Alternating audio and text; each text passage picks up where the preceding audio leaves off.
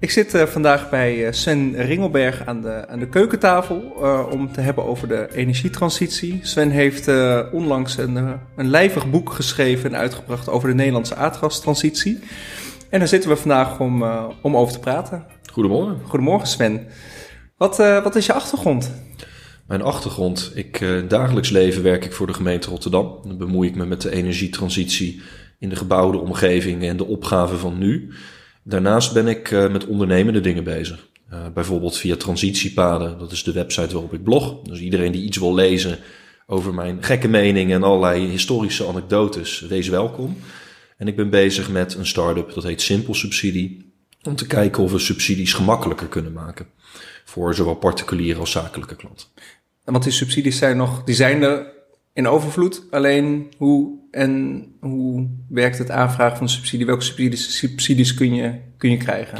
Nou, vooral voor particulieren zie je dat uh, voor de isolatie van huizen, warmtepompen en dat soort dingen. Het zijn hele interessante subsidiekansen. Dan gaat het over 1500 euro gemiddeld of 1000 euro. Mm -hmm.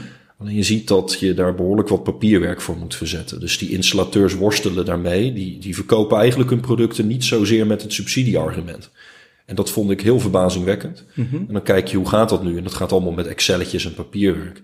Toen dacht ik, nou, dat is rijp om software te introduceren... om het gemakkelijker en goedkoper voor iedereen te maken. Dus het zit zo aan de, de particulier kant, maar ook aan de installateurskant help je... Ja. Je helpt echt de installateurs met het makkelijk eh, aanbieden van... Van subsidies? Ja, het is eigenlijk een ketenoplossing. Oh ja. uh, waardoor het voor iedereen goedkoper moet worden. En dat is ook een van de dingen die ik pretendeer in mijn boek. Van uh, je moet veel meer optimalisaties en dingen goedkoper maken in ketens uh, en samenwerking. Ja, want ik heb je boek uh, gelezen. Het is bijna 250 bladzijden aan, aan historisch materiaal wat uitgelegd wordt op de energietransitie waar we nu, waar we nu tegen staan. Het gaat over de uh, aardgastransitie in, in de jaren 60. En dat, uh, dat leek alsof Nederland volgens mij heel makkelijk uh, in, in, een, jaartje overstapte naar, naar aardgas nadat er een grote aardgasbel was gevonden. Um, na die 250 bladzijden is dat toch wel iets, is dat toch wel echt een ander verhaal. Wat, wat, wat, wat heb je ontdekt? Ja, wat ik heb ontdekt is dat de Nederlandse aardgastransitie, dat wordt in de boeken en in de historie aangehaald als oh, dat is een radicale energietransitie. Um, ook gewoon grote professoren, bijvoorbeeld uh, Vaclav Smil voor degene die die naam kennen. Dat is echt een van de voor, vooraanstaande professoren op dit vakgebied in heel de wereld. Die noemde dat ook, van dit is het voorbeeld van een soort radicale energietransitie. Dat is het ook. Het is nog steeds heel knap. Alleen in mijn onderzoek kwam ik erachter dat het een radicale transitie was in stapjes. Dus het begon met de vondst van het gas in 59 de introductie in huishoudens voor het koken op aardgas. Daarna voor ruimteverwarming. En eigenlijk langzaam is een heel Nederland centrale verwarming geïntroduceerd. Dus dat was eigenlijk een transitie van 15 jaar. Die heel goed paste bij de wensen van mensen die ook in woningen wonen. Ja, ja. En ik lees dan, dat net als tijdens de woningnood in de jaren 50 maken we nu op dit moment ons ook meer zorgen over een tekort aan woningen dan over toekomstbestendige toekomstbestendige kwaliteit en, duurzaamheid. En toen dacht ik van, ah, dat is, dat is ook wel... Dat is nu ook echt aan de hand. Ja, ja, ja je hebt een enorm uh, woningtekort nu. Toen ook. Je had natuurlijk na de Tweede Wereldoorlog de wederopbouw. Dus de focus was ook echt moderniteit, tempo maken en aan de slag. En uh, wat heel erg opvalt was dat toen bijvoorbeeld de binnenkwaliteit van woningen werd opgeofferd voor de hoeveelheid woningen. Dus dan uh, werden er heel veel woningen gebouwd. Het komt met centrale verwarming, wat ook in heel Europa de norm was, behalve in Nederland. Maar er waren werkelijk discussies uh, in, uh, tussen ambtenaren en uitvoerders van ja, ja, maar we, we moeten deze woningen snel bouwen en dat kan dan wel wat minder kwaliteit binnen. Dat zie je nu met bijvoorbeeld het feit dat we heel veel nieuwbouwwoningen hebben, zoals die van mij waar we nu in zitten, mm -hmm. die eigenlijk niet klimaatadaptief zijn, die veel te warm worden in de zomer, waardoor je enorme groei van airco's krijgt. Uh, en je ziet dus eigenlijk die nieuwbouwkwaliteit uh, loopt altijd zo'n tien jaar achter de wet en regelgeving op de daadwerkelijke behoeften en discussie in de, in de, nou goed, in de wereld. Ja. Ja, dat heb ik uh, in een vorige podcast ook, ook meegemaakt met Nicolaas van Everdingen van Plushuis. Die bouwt nu eigenlijk huizen die gebouwd worden in 2030 voor de, vanuit de nieuwbouw gezien. Dus eigenlijk zijn die nieuwbouwhuizen waar, in zo'n huis waar we nu zitten, die zijn eigenlijk helemaal nog niet toekomstbestendig, klimaatbestendig? Ja, nou, ze, ze, ze doen veel. Ja. Kijk, het zijn goed geïsoleerde woningen. Uh, de woningen nu zijn aardgasvrij. Dus het zijn heel veel mooie stappen. Uh, alleen je ziet dat uh, er altijd weer normeringen zijn of discussies die er niet goed in gepakt zijn. En wat mij opvalt is, omdat er zo'n woningtekort is, ligt het tempo op kwantiteit, mm -hmm. niet kwaliteit. En ontstaat er ook altijd discussie wanneer je nieuwe kwaliteit toevoegt. Een heel mooi voorbeeld is dat dat aardgasvrij in 2018, toen werd dat geïntroduceerd voor nieuwbouwwoningen. Mm -hmm. Toen zei de markt ook, aardgasvrij bouwen, nieuwbouw, dat wordt veel te duur, dat kunnen we allemaal niet, heel erg lastig en moeilijk. Toen werd het gewoon wet en toen kon het in één keer wel. Dat is ook Nederland. We zijn heel goed in um, van tevoren zeggen waarom heel veel dingen heel ingewikkeld zijn. En op het moment dat we dan een keer een knoop doorhakken, valt het allemaal wel mee. En waaraan zie je dat nu uh, um, vanuit, je, um, vanuit je werk voor, voor, de, voor de gemeente Rotterdam? Hoe, hoe, hoe werkt dat verduurzamen van, van de woning, van de bestaande woningvoorraad, denk ik? Ja, dat, je ziet daar nu een aantal spanningsvelden. Uh, je hebt natuurlijk het hele thema aardgasvrij wat speelt. Um, dat is een ingewikkelde opgave in zichzelf. En tegelijkertijd zie je natuurlijk die enorme uh, push op. Nou, wacht even, we willen ook beter isoleren, we willen ook minder vraag. We willen het klimaatadaptief, we, het onderhoud moet op orde zijn. Dus wat mij vooral opvalt is dat um, we in toenemende mate heel veel kwaliteit vragen van bestaande woningen. Dat kost geld en energie. En dat hebben we niet allemaal in het eerste jaar beschikbaar. Dus je krijgt uh, steeds meer afwegingen die je moet maken van hoe toekomstbestendig zijn die woningen nou nog en waar begin ik dan? Wat is dan een spijtvrije oplossing? En wat past ook, dat is het belangrijkste denk ik nog wel, bij de portemonnee, maar ook de, de wensen van mensen die daar wonen. Want wat mij opvalt is dat, uh, dat zie je ook de afgelopen 10, 15 jaar terug, dat radicale renovatieopties, dus in één keer je woning helemaal nul op de mee te maken, heel je woning renoveren, de meeste mensen zitten er niet op te wachten. De meeste mensen hebben of het overzicht niet qua geld. Mm -hmm. Of die zeggen, ja, moet ik nu heel mijn zolder gaan opruimen? Moet ik nu heel mijn vloer gaan vervangen? Ja, daar heb ik geen zin in. Ik dacht, ik wil gewoon mijn spouwmuur isoleren. Of ik wil zonnepanelen. Dus je ziet een enorm spanningsveld tussen de markt die met allerlei grote renovatieopties bezig was. Grote stappen aardgasvrij. Mm -hmm. En eigenlijk bewoners die zeggen, ik wil incrementeel. Ja. Stap voor stap. En uh, mijn focus is echt en een stukje overtuiging is dat dat laatste ook gewoon veel beter gaat werken. Het stap voor stap verduurzamen. En is dat ook een parallel die je, hebt, die je kunt trekken met wat er in de jaren 60 is gebeurd? Ja, daarin werd dat wel echt bevestigd. Um, heel kort, er werd gas gevonden in 59. Toen werd er stiekem onderhandeld, stilte van Slochteren van hoe gaan we dat gas gebruiken. De stilte van Slochteren. Ja. Dat klinkt als een hele spannende podcastreeks binnenkort. Maar ja, de ja, stilte van Slochteren. Hoe, hoe ging dat? Nou, dat, uh, dat gas werd gevonden. Uh, er was al langer bekend dat er gas zou zitten, maar hoeveel wist men niet. En toen werd het duidelijk van, oh, wacht even. Dit zou nog wel eens het grootste gas, uh, de gasbel kunnen zijn van heel West-Europa. Oh, dat is interessant.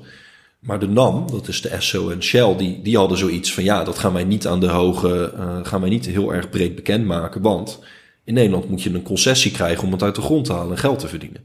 Dus die wilden hun concurrenten ook niet wijzer maken dan nodig. De overheid, met minister De Paus toen, die had geleerd van zijn Franse collega, die ook een paar jaar ervoor had geroepen dat ze heel veel gas hadden gevonden. Dat bleek niet te kloppen, dus die minister kwam in de problemen. Dus beide partijen hadden behoefte, de markt en de overheid, om dit gewoon rustig te onderzoeken en met elkaar in gesprek te komen. Oké, okay, is dit zoveel gas? Ja, dat is zoveel gas. Hoe gaan we dat inzetten? Hoe zorgen we ervoor dat we met een duidelijk verhaal komen? Zodat in één keer heel de Tweede Kamer mee kan, dat er steun is. En dat is de stilte van Slochteren. Die duurde in een jaar. En toen werd er gelekt vanuit een Belgische senator in het EU, in het parlement. Die gaf aan van, joh, er is heel veel gas gevonden. En uh, toen kwam het in alle kranten in Nederland. En toen moest men toch wel toegeven dat er een heel hoop uh, gevonden was. Meer dan tot nu toe bekend. En dat men aan het omhandelen was. En toen kwam het incrementele gedeelte van eerst. Uh, want we hadden, vroeger hadden we stadsgas. Ja. Kun je daar, hoe, hoe, dat incrementele, dat vind ik interessant. Want er is natuurlijk gewoon, er is een hele industrie in je hele huis in één keer aanpakken. Wat ook gewoon prima is volgens ja. mij. Als je daar zin in hebt en geld voor hebt. En, uh, of, of de, de mogelijkheden voor hebt. Um, maar dat incrementele, dat, dat vind ik, dat is denk ik voor 80, 90 procent van de mensen het meest ja. interessant. Ja, zo kijk ik er ook naar. Ik denk dat dat de optie is voor 80, 90 procent van de Nederlanders met een eigen huis of huurders zelfs. Um, wat je ziet is um, in Nederland even een stapje terug. Ja. Van hoe zag nou de woning eruit uh, voor het aardgas? Wat, hoe zag het Nederlandse warmtelandschap eruit? Voor uh, het koken, 70% kookte op stadsgas. Stadsgas krijg je door het destilleren van steenkool. Dat, uh, daar komt een gas bij vrij en er zit ook een heel groot gedeelte waterstof in. Dus voor de mensen die dat leuk vinden, Nederland heeft um, in jaren meer ervaring met waterstofinleidingen dan aardgas. Dat weet niemand, maar er zat tot 50% waterstof in, uh, in vormen van stadsgas. En uh, stadsgas, dat was al 100, 200 jaar bestond dat. Werd gebruikt um, voor het koken, zo'n 70%. Dus in 70% van Nederland lag ook leidingwerk. In, in niet zo stevig als nu, maar er lag leidingwerk. Dus dat was een kans. Het verwarmen van woningen, dat ging grotendeels via de kolenhaard. Dus dat was echt ruimteverwarming. Dan maakte je alleen je woonkamer warm. En als je ging slapen in de winter, had je het echt koud. Ja. Laat ik het maar zo zeggen. Er werd wat bijverwarmd met elektrische straalkacheltjes en dat soort uh, type dingen. En een aantal mensen die hadden oliehaarden. Dat was een moderner ding, maar dat was duurder. Dus in Nederland was een enorme behoefte aan centrale verwarming. Maar 5% van de mensen had centrale verwarming. Maar om dan in één keer centrale verwarming aan te leggen, toen het aardgas gevonden werd en uitgerold, dat kost ongeveer evenveel als een nieuwe auto. Toen. Ja. Dat was echt heel duur. Dus wat gebeurde er? Um, uh, men ging er vanuit, nou ja, we gaan er vanuit zo'n 70, 80 procent zal wel aardgas willen. Uh, men had helemaal niet het idee dat het uiteindelijk 98 procent zou worden. Maar dat werd uitgerold. Uh, stadsgas werd vervangen door het aardgas. De kooktoestellen werden grootschalig omgebouwd. Stapsgewijs in sectoren in een gemeente. Mm -hmm. Dus dat zijn een beetje de aardgasvrije wijken van nu. Maar toen had je per sector de aansluiting van het aardgas. Ja. En mensen konden er toen voor kiezen. Want het kookgas, dat was geen probleem. Dan werden de apparaten vervangen. Het kostte 100 gulden gemiddeld per woner, per huishouden. Nou, dat was, daar werd wat op gemoord. Maar als je van stadsgas afging, moest je elektrisch gaan koken, wat veel duurder was. Op terug naar kolen. Dus iedereen had ziet, nee, laat ja, maar. Verplichte, verplichte winkelnering. Ja, het was niet verplicht, maar het alternatief was zo slecht ja, dat precies. je eigenlijk weinig... Semi-verplicht, ja. Semi-verplicht. En uh, wat je zag is dat mensen die het geld hadden, die dachten, weet je wat? Ik koop geloof ook gelijk een gashaard. En mijn kolenkachel is oud, weet je, ik vervang hem. Ja. Maar dat ging heel incrementeel. Dat ging stap voor stap. Uh, ik heb gisteren van mijn moeder bijvoorbeeld gehoord dat in, ik kom uit 89, dat tot 87 mijn oma in een sociale huurwoning woonde waar ook nog kolen zaten. Dus ja, uh, dit is dus. Uh, er, zijn niet, er is niet zoiets als een spontaan einde van een energiebron. Nee. Het stilt, sterft altijd een hele stille dood. Vol tot de jaren 60 werd nog turf gebruikt in Nederland in bepaalde huishoudens. Ja. Heel kleinschalig. Nou, dat, dat was dus de tweede stap. Dat langzaam mensen wenden aan dat aardgas. De kolenkachel was oud. Aardgas, hoe meer je verbruikt, hoe goedkoper het was per kuub. Mm -hmm. Dus mensen zeiden, oh, dat is handig, ik ga naar een gashaard. Dus ook gewoon uh, een beetje kunnen rekenen en dan, ja. Ja, maar, ja. Wat dus, nu natuurlijk volgens mij ook lastig te berekenen is voor mensen. Tenminste, met mijn overbuurman praten over zijn spouwmuur. En dan vindt hij het nog steeds lastig om te berekenen van ja, dat kost nu geld, maar hoeveel ga ik dan besparen? Klopt, wat, is de to wat zijn de totale kosten als ik dat. Ja. Klopt, het was vooral dat mensen toen hebben onthouden dat het goedkoper zou zijn. Ja. Uh, want uit onderzoeken na de aansluiting van het aardgas bleek dat 80% hun energiebedrag uh, niet meer wisten wat ze per maand betaalden. Of wat het kostte per kuub. Dus er werd heel veel energie ingestoken, maar uiteindelijk gingen de meeste mensen over omdat het modern was. Dus niet zozeer prijs, maar modern en gemak. Modern gemak, comfort, um, veiligheid tot op zekere hoogte, gezondheid. Want kolen zijn echt wel, geven echt wel een stuk meer troep in huis. Ja. Um, en je zag bijvoorbeeld pasgehuwden, dus mensen die spaarden voor een hu eerste huis, gingen trouwen. En die kochten allemaal veel vaker een gashaard. Ja, het was modern, dat was wat pasgehuwden toen deden. Ja. Um, dat soort type parallellen zijn heel fascinerend. Nou, dus uh, wat, je, wat zag je dan? Mensen moesten eraan wennen, want de kolenhaard dat was gezellig. Gezellige mensen stoken kolen, was de slogan van de kolen. Ja, die heb ik gezien in het, uh, die kom je nog vaker tegen inderdaad. Dus uh, de eerste gashaarden, je had bijvoorbeeld de moederhaard. Jullie kennen hem misschien nog wel, dat is zo'n beetje zo'n rechthoekige doos waar ook nog vlammetjes in zichtbaar zijn. moet je maar googlen, moederhaard. Onder andere die moederhaard is bedacht omdat het een beetje het gezelligheidsgehalte van de kolen haard verving.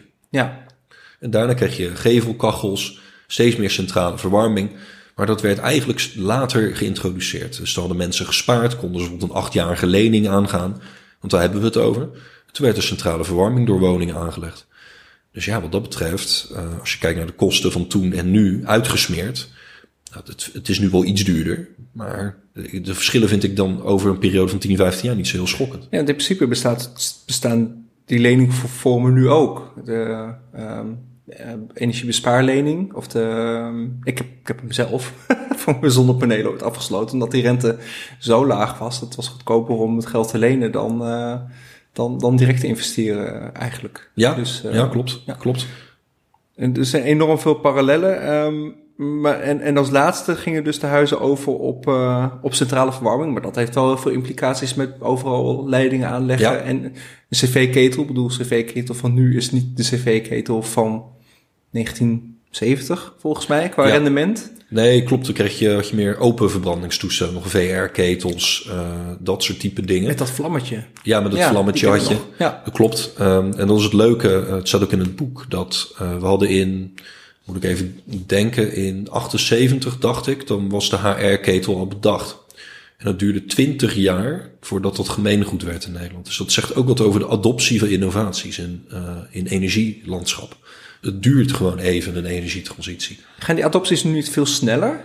Dus al- als we kijken naar hoe snel eigenlijk de elektrische auto nu toch wel geadopteerd wordt. Nou ja, ook, ook, ja, ik bedoel, als ik hier naartoe rijd, dan zie ik nog steeds heel veel niet-elektrische auto's natuurlijk. Maar Ja, nou ja, goed. Wat je nu natuurlijk ziet is grootschalig overheidsstimuleren.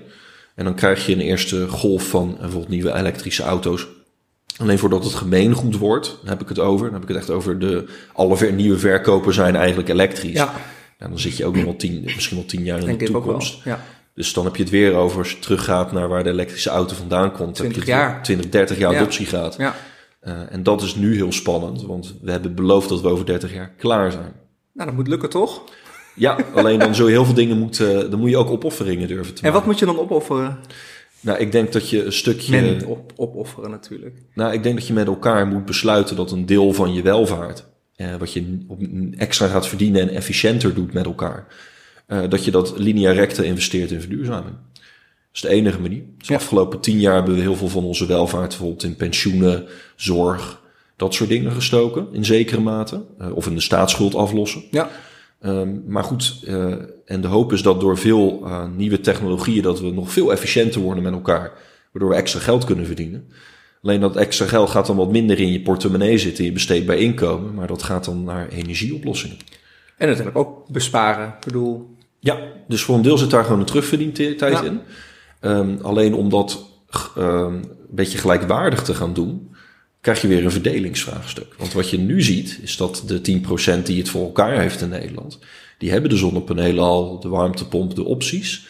Alleen dat beschrijf ik ook in mijn boek. Uiteindelijk wil je systeemtechnisch een efficiënte oplossing die ook voor de nou, 20% in dit land die wat minder verdienen, ook iets te betekenen hebben. Want anders krijg je wel een enorme tweedeling. ja. Eh, en dat ging bij dat aardgas wel goed. Ik denk dat we daar een hoop van kunnen leren. En wat, wat, welke parallellen kun je dan trekken met, met die aardgastransitie? Waar moeten we dan beginnen om de... Nou, laten we gewoon met die 20% mensen die, die, eh, eh, die niet het inzicht hebben of niet het geld of niet, eh, niet de manieren kunnen vinden of de wegen kunnen vinden om hun huizen te, te verduurzamen. Of in een huurhuis wonen waar eh, een coöperatie eigenlijk niks aan doet. Hoe kunnen we die... Als we daar eens mee zouden beginnen. Dan heb je al 80% van, van die 20% heb je al, al bijna energie-neutraal misschien wel, of in ieder geval flink bespaard. Waar, waar, beginnen, waar beginnen we dan? Ja, het begint eigenlijk met die 20%. eh bij de beslissingen die je nu voor de early adapters neemt, moet je dus nadenken over hoe later wordt, eh, hoe komen later die andere groepen nog mee in hetzelfde systeem. Want wat ik nu zie, bij het aardgas even, zal ik even uitleggen voor de luisteraars.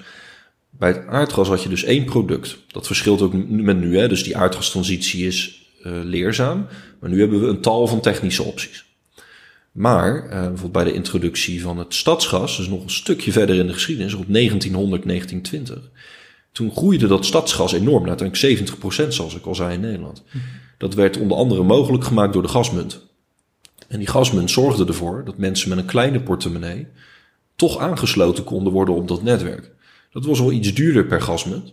En, maar die mensen hadden veel controle over hun energierekening, die konden in het systeem mee. En door die inclusie van die groep met minder centen wordt het systeem dus goedkoper. En wat ik nu zie is dat bijvoorbeeld bij de introductie van, uh, van bijvoorbeeld de warmtepompdiscussie van aardgasvrije wijken, als je niet oplet, heb je een groep koplopers die profiteert van bijvoorbeeld warmtepompen, die technologie hartstikke goed. Maar de rest van die wijk moet, wil, wil men bijvoorbeeld naar een warmtenet krijgen. Nou, als dan 20% van de rijkere mensen zeggen, joh, ik heb een optie die voor mij efficiënter en goedkoper is, dan wordt het voor die 80% van die mensen alleen maar duurder en minder efficiënt. Ja. En in deze discussie zie ik daadwerkelijk nergens terug. Heel af en toe lees ik een artikel wat de oppervlakte raakt. Uh, maar het is echt een verdelingsvraagstuk. Ik vind uh, dat de politiek best wel de discussie mag voeren van hoe zetten wij innovatiemiddelen, geld, energie in om uh, ervoor te zorgen dat je ehm, mensen um, ook meekrijgt in die doelgroep. Ja. Want het, uiteindelijk krijg je anders twee parallele systemen. Eentje voor mensen met vermogen die heel efficiënt zijn en mensen die eigenlijk zitten met een systeem wat voor hun minder efficiënt is. Ja, want daar zit ik ook wel eens over na te denken. Ik heb nu nog geen warmtepomp. Uh, ik heb een echt supergoed geïsoleerd huis. Ik verbruik er nog geen duizend kuub gas uh, per jaar. Sterker nog veel minder. Um, als ik een warmtepomp neem en er komt uiteindelijk een warmtenet. Ik weet niet eens of dat handig is in onze wijk. Um, uh, dan hoef ik dus niet mee te doen. Nee, nee. En, um, en mijn buren moeten dat, moeten dat wel. Ik heb ook al een keer gesproken met iemand die, die heel veel met, met warmtepompen doet. En ook echt, uh, echt, echt grote warmtepompen, echt die ook in Oostenrijk gebruikt worden. En daar kwam we ook een keer op het idee om een wijkwarmtepomp te doen. Dus je koopt niet met, met, met, hè, voor één huis een warmtepomp, maar je koopt meteen echt een goede en een grote. En die, dat doe je met z'n vieren. Um, zijn daar nog, is dat een, is dat van, is dat een is dat voor mij een goed idee?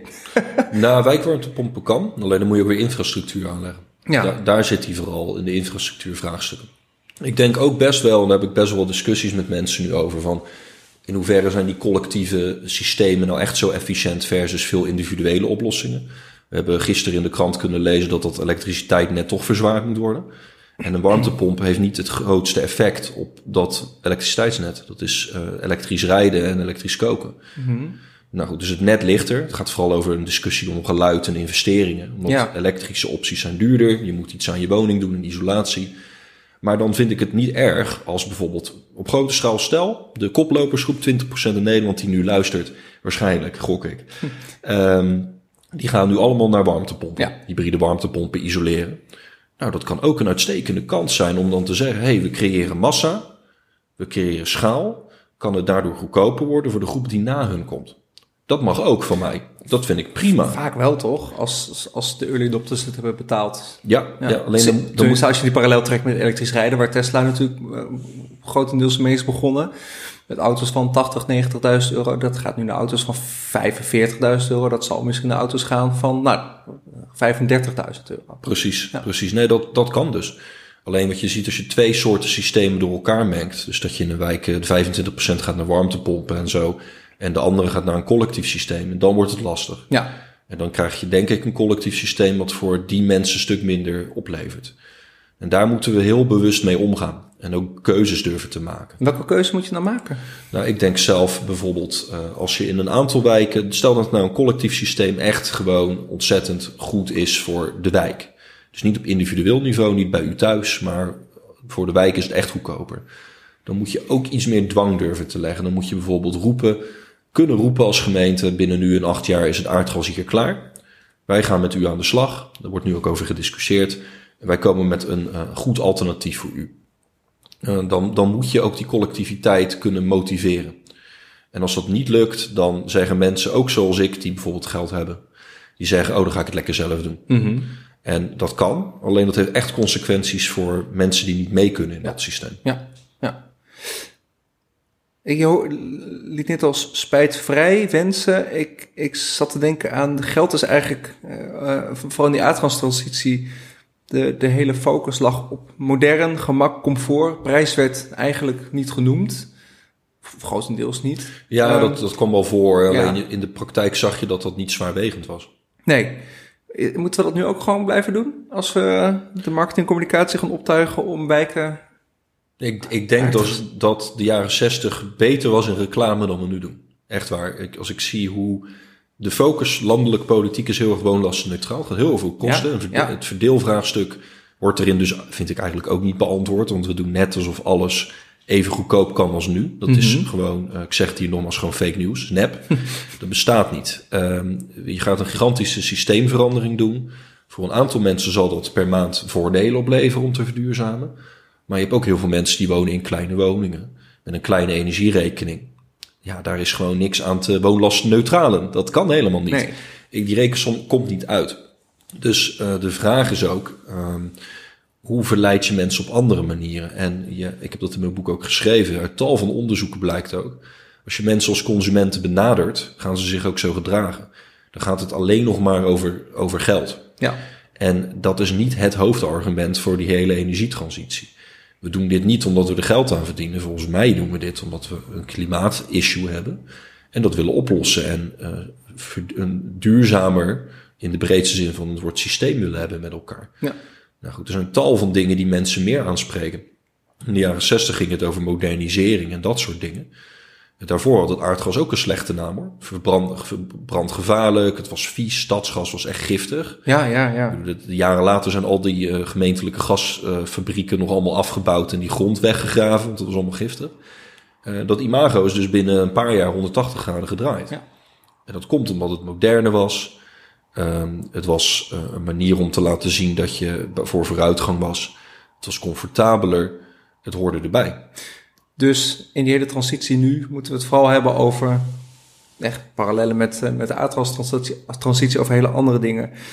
Je zei net klimaatverandering. Dat is een belangrijk ding om anders te gaan, om te gaan met, met energie. Maar volgens mij is het gas er ook al lang op. Tenminste, dat zou in. Wanneer zou het gas op zijn? Nou, het Nederlands gas, ehm, dat, we hebben nu kleine velden. Dus we hebben tal van kleine velden, eh, noemen ze dat, waar we gas uithalen. Ik heb de exacte miljarden kuub heb ik niet. Ik ben daar niet zo'n zware expert in. Slochteren gaat dicht, Groningen. Ehm, maar gas zelf is door de introductie van schaliegas in bijvoorbeeld Amerika en tal van andere plekken is nou, nog wel zeker 100 jaar beschikbaar, denk ik, in de wereld. Ehm, er worden ook nog wel eens nieuwe gasvelden gevonden. Dus en, fossiele brandstoffen op korte termijn zijn dus niet het probleem dat ze er niet meer zijn. Dat maakt het ook zo ingewikkeld, want fossiel is wel heel handig. Het is Ja. ontzettend efficiënt. We kennen het. We kennen het. Ja, en ja. dus de, de prikkel is ditmaal dus niet, er is een tekort. Nee. Dat dacht men bijvoorbeeld in de jaren zeventig wel. Dacht men, Ja, want toen dachten ze, we moeten heel snel van dat gas af. Nee, we moeten, we moeten eh, ja, we moeten, toen dachten ze ook, we moeten van het gas af. In de zin van, we moeten snel die, die bel opmaken, want er komt kernenergie aan in, eh, over 20, 30 jaar. Dus we moeten in dit, dat geval snel van al het gas af. Ja. Zodat we, eh, want tot wanneer dachten ze dat het gas, wanneer dachten ze dat het gas op zou zijn? Ja, het, het is heel grappig wat je zegt, want we willen nu van het gas af, maar dat wilden ze dus in de jaren 60 ook al. Ja, En toen zeiden ja. ze in de Kamerbrief van 62 stond gewoon in de laatste alinea, eh, hoe lang aardgas thans haar waarde zal behouden, dat is niet bekend, want eh, kernenergie komt eraan. Ja, Eh, en we moeten dat dus nu ten gelde maken, dus we moeten er nu geld aan verdienen, want ja, anders zit het in de grond en hebben we er weer niks aan. En dat zou tot 2000 zou gas er zijn, pak een beet. Nou, dat bleek dat er meer reserves waren. En dat we, nou, we zijn tot nu nog bezig. Het wordt nu afgebouwd, maar eh, dus je hebt gewoon nou ja, 20 procent. Dus je dus op 40 procent duurde het langer, dat aardgas in Nederland. ja, ja. Dat is best wel significant. Ehm, en er was bijvoorbeeld mensen die de HR-ketel hebben bedacht bij de Gasunie. Die kregen bij hun introductie eh, in, eh, in de jaren 70 van... joh, je gaat je je pensioen niet halen. Dus eind jaren 70 was nog het idee... ja, in 2000 zijn wij hier klaar Ja, met, eh, ja. deze opgave. Ja. En ze moesten snel van het gas af, dus dat is helemaal niet handig om energiezuinige apparaten te, te, te, te ontwikkelen. Klopt, je zag, de, dat noem ik in het boek de fase van verspilling. Maar die heeft niet zo gek lang geduurd. Dus er wordt ook wel eens in Nederland gedacht van ja, de gasbom verspild en een beetje gemoord nu. Eh, dat heeft nog geen vijf à tien jaar geduurd. Nee. Eh, het werd geïntroduceerd, het gas. En in de jaren 70 al, Club van Rome volgens mij 73 al. Hè, toen was het al van, oh, nou goed, we hebben fossiele bronnen. Die zijn eindig. Onze economie hangt er vanaf. We hebben een probleem. Dat werd toen al bediscussieerd. Los van de klimaatdiscussie die toen ook al een beetje opkwam. En de milieu vooral. Dus dat speelde toen ook al. En toen werd er ook al, de reclame van de gasunie ging, eh verschoof toen van wat kunt u allemaal met aardgas doen, ga meer gebruiken. Die verschoof naar wees zuinig. Ja, Toen al. ja, Eh, dus we zijn toen al bezig. En je kreeg in de jaren 70 en 80 ook grootschalige isolatieprogramma's. ja die, wat zat ik net over na te denken. Ja. Ja, Dus dat, we zijn daar al heel lang mee bezig. Het enige wat je ziet is dat de isolatie die we toen kozen moest economisch rendabel zijn. Moet je terug kunnen verdienen. Ook wel weer een grappige focus. Eh, en dan moet je eens raden, kijk, voor als je je woning isoleert, dan is een spouw, dak, zijn vaak het meest efficiënt keerdichting. Ja. Dubbel glas op zich uh, ook efficiënt, maar niet de meest efficiënte oplossing. Die was wel het meest toegepast in de jaren 70. Nou, door stuk, dat komt door een stuk comfort, maar ook omdat je je kon onderscheiden van je buurman. Het was, het werd glas zag je. Glas ja, zie je, ja, ja, precies. Isolatie niet. Dus dat soort parallellen zijn ook fascinerend, ook in het isolatielandschap van Nederland. Um, nou goed, en toen werd er grootschalig op ingezet. Alleen toen ook weer met kwaliteit. De, de isolatieboeren die ik nu spreek, die zeggen ook, ja, soms verwijderen we nog wel eens isolatiemateriaal uit de jaren tachtig, wat toch een beetje matig qua kwaliteit was. Mhm. Dus ook daar zie je dus die, die, die inzichten die we nu hebben van wat is goede kwaliteit. Ja. Dat verandert ook. Ja. En wat zijn uh, een hele tijd terug zei iets, iets over spijt, spijtvrije oplossingen. Wat zijn dan wat zijn dan spijtvrije oplossingen? Ja, dat is eigenlijk zo'n modebegrip. Dat, ja? speelt al een aantal jaar. Dat noemen ze dan no regret of spijtvrij verduurzamen. Nou, dat, dat, dat kwam eigenlijk tegelijkertijd op een jaar of drie, vier geleden. Uh, begon aardgas vrij echt te spelen. Van we moeten iets met dat aardgas in Nederland, moeten er van af. Uh, want Groningen, uh, want er speelt daar veel te veel en we zijn het nu verplicht om wat anders te gaan doen. Nou, dan kwam het idee, hoe ga je dan je woning voorraad verduurzamen? Laat ik me alleen even beperken tot de woning in Nederland. Nou, die kunnen we van het gas halen. Oké, maar wat is dan het alternatief? Ja, niemand die het wist. Uh, dus dan kreeg je de discussie, hoe kun je nou stapje voor stapje toch spijtvrij stappen maken? Hoe kun je beginnen? Nou, daar zit vooral nu de discussie rondom isolatie, spijtvrij verduurzamen.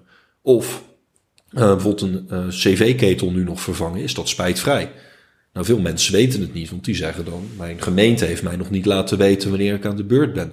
Misschien kan ik volgend jaar wel naar een alternatief. Nou, dat is niet spijtvrij. Nee. Um, dus daar gaat nu heel veel discussie over, omdat je kan je voorstellen dat als bewoners thuis niet weten wat spijtvrij is, wat is een goede investering waar ik vooral geen gezeur over krijg en mijn geld een beetje goed spendeer, gaan mensen natuurlijk ook wachten. En dat zie je terug in bijvoorbeeld de hybride warmtepomp. De hybride warmtepomp voor de luisteraars, dat is een warmtepomp die werkt samen met de cv-ketel. Het zijn twee vriendjes en die zorgen er samen voor dat je 70% op je gas kan besparen. Dat is natuurlijk als tussenoplossing hè, de komende 30 jaar fantastisch. Het is een fantastisch efficiënte oplossing. Je verdient het binnen 7 à 10 jaar terug. Zo'n 10 nu eigenlijk. 10. Ja. Nou, dan denk je, oh, dat wordt waarschijnlijk grootschalig toegepast, want we vervangen 400.000 cv-ketels per jaar. Ja. Dus waarom zouden we niet, nou, de afgelopen jaar hadden we 22.000 hybride warmtepompen die geplaatst waren. Ja. Nou, dat, dat gaat niet heel snel. Dat komt door die onduidelijkheid. Wat is spijtvrij verduurzamen? Ja. En omdat de focus de afgelopen jaren eerlijk gezegd was aardgasvrij in één keer. Radicalere stappen. En we hebben in de geschiedenis kunnen horen, heeft u kunnen horen, uh, en het, als u boek leest ook kunnen lezen, uh, dat, dat werkt zelden. Ik heb, ik heb geen voorbeelden gezien waarin een land in één keer besluit grootschalig allerlei woningen te renoveren. Ik zie het niet gebeuren. Moeten we dat weer gaan doen, het Nationaal Isolatieprogramma, zoals in de jaren ja, dus is BZK nu 70, mee bezig. 80? Ja, dat lijkt me een heel goed idee, maar dan moet je het inzetten op het stapsgewijze. Dus dat je eerbied hebt voor de kleine stap. Ja, maar en als we dan beginnen bij alle huurhuizen die, nou, zoals ook in mijn wijk, uh, staan nog wel wat huurhuizen waarvan ik zie van, nou, die kozijnen die zijn niet helemaal goed meer. Er zit enkel glas in, in het hele huis.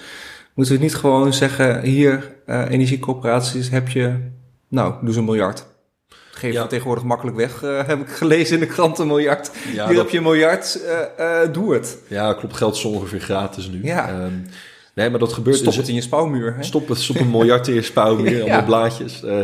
nee, dat, nee um, is, dat een goed, is, dat, is dat slim? Ik... Ja, dat kan. Kijk, er gebeurt al veel. Um, als we kijken wat er al gebeurt, om optimistisch uit te leggen er zijn al zo'n 300.000 uh, isolatiemaatregelen die per jaar worden genomen. Dus kleinschalige isolatie ingrepen. Um, dus het, het, het, kleinschalige, ook meer dan een miljoen huishoudens met zonnepanelen. Volgens mij kruipt het al richting de twee. Ja, gaat hard. Dat gaat hard. Dus het eer, eerbied hebben voor die kleine stappen. Uh, want als u thuis luistert, dan weet u ook, u gaat niet in één keer heel uw zolder verbouwen en alles in één keer doen. Dat doet u misschien als u een nieuw huis heeft gekocht. Dan zijn mensen bereid iets meer te doen. Ja. Maar als je er eenmaal in woont, ga je dat niet doen. Dus je gaat stappen nemen. En dat werkt. In de praktijk hebben we al schaal daar. Alleen die schaal wil je gewoon keer twee. Dus je wil gewoon geen 22.000 hybride warmtepompen, maar 50.000 en dan naar 100.000. Nou, en dan helpt het als de woningcorporaties inderdaad, waar je het op doelt, de grote verhuurder in Nederland, zo'n 30% van de woningen ja. in bezit. Nou, die moeten die verhuurdersheffing moet eraf. Die betalen nu een soort uh, boetebelasting aan de overheid dat komt nog uit uh, de kredietcrisis en de woonenquête. Kunt u op googlen, ik ga ik niet, uh, Nee, uitleggen ken hem. Ja, ja, ja. Maar eh, kort gezegd, die zijn heel erg in hun bestedingen geremd. En er zijn enorme verschillen.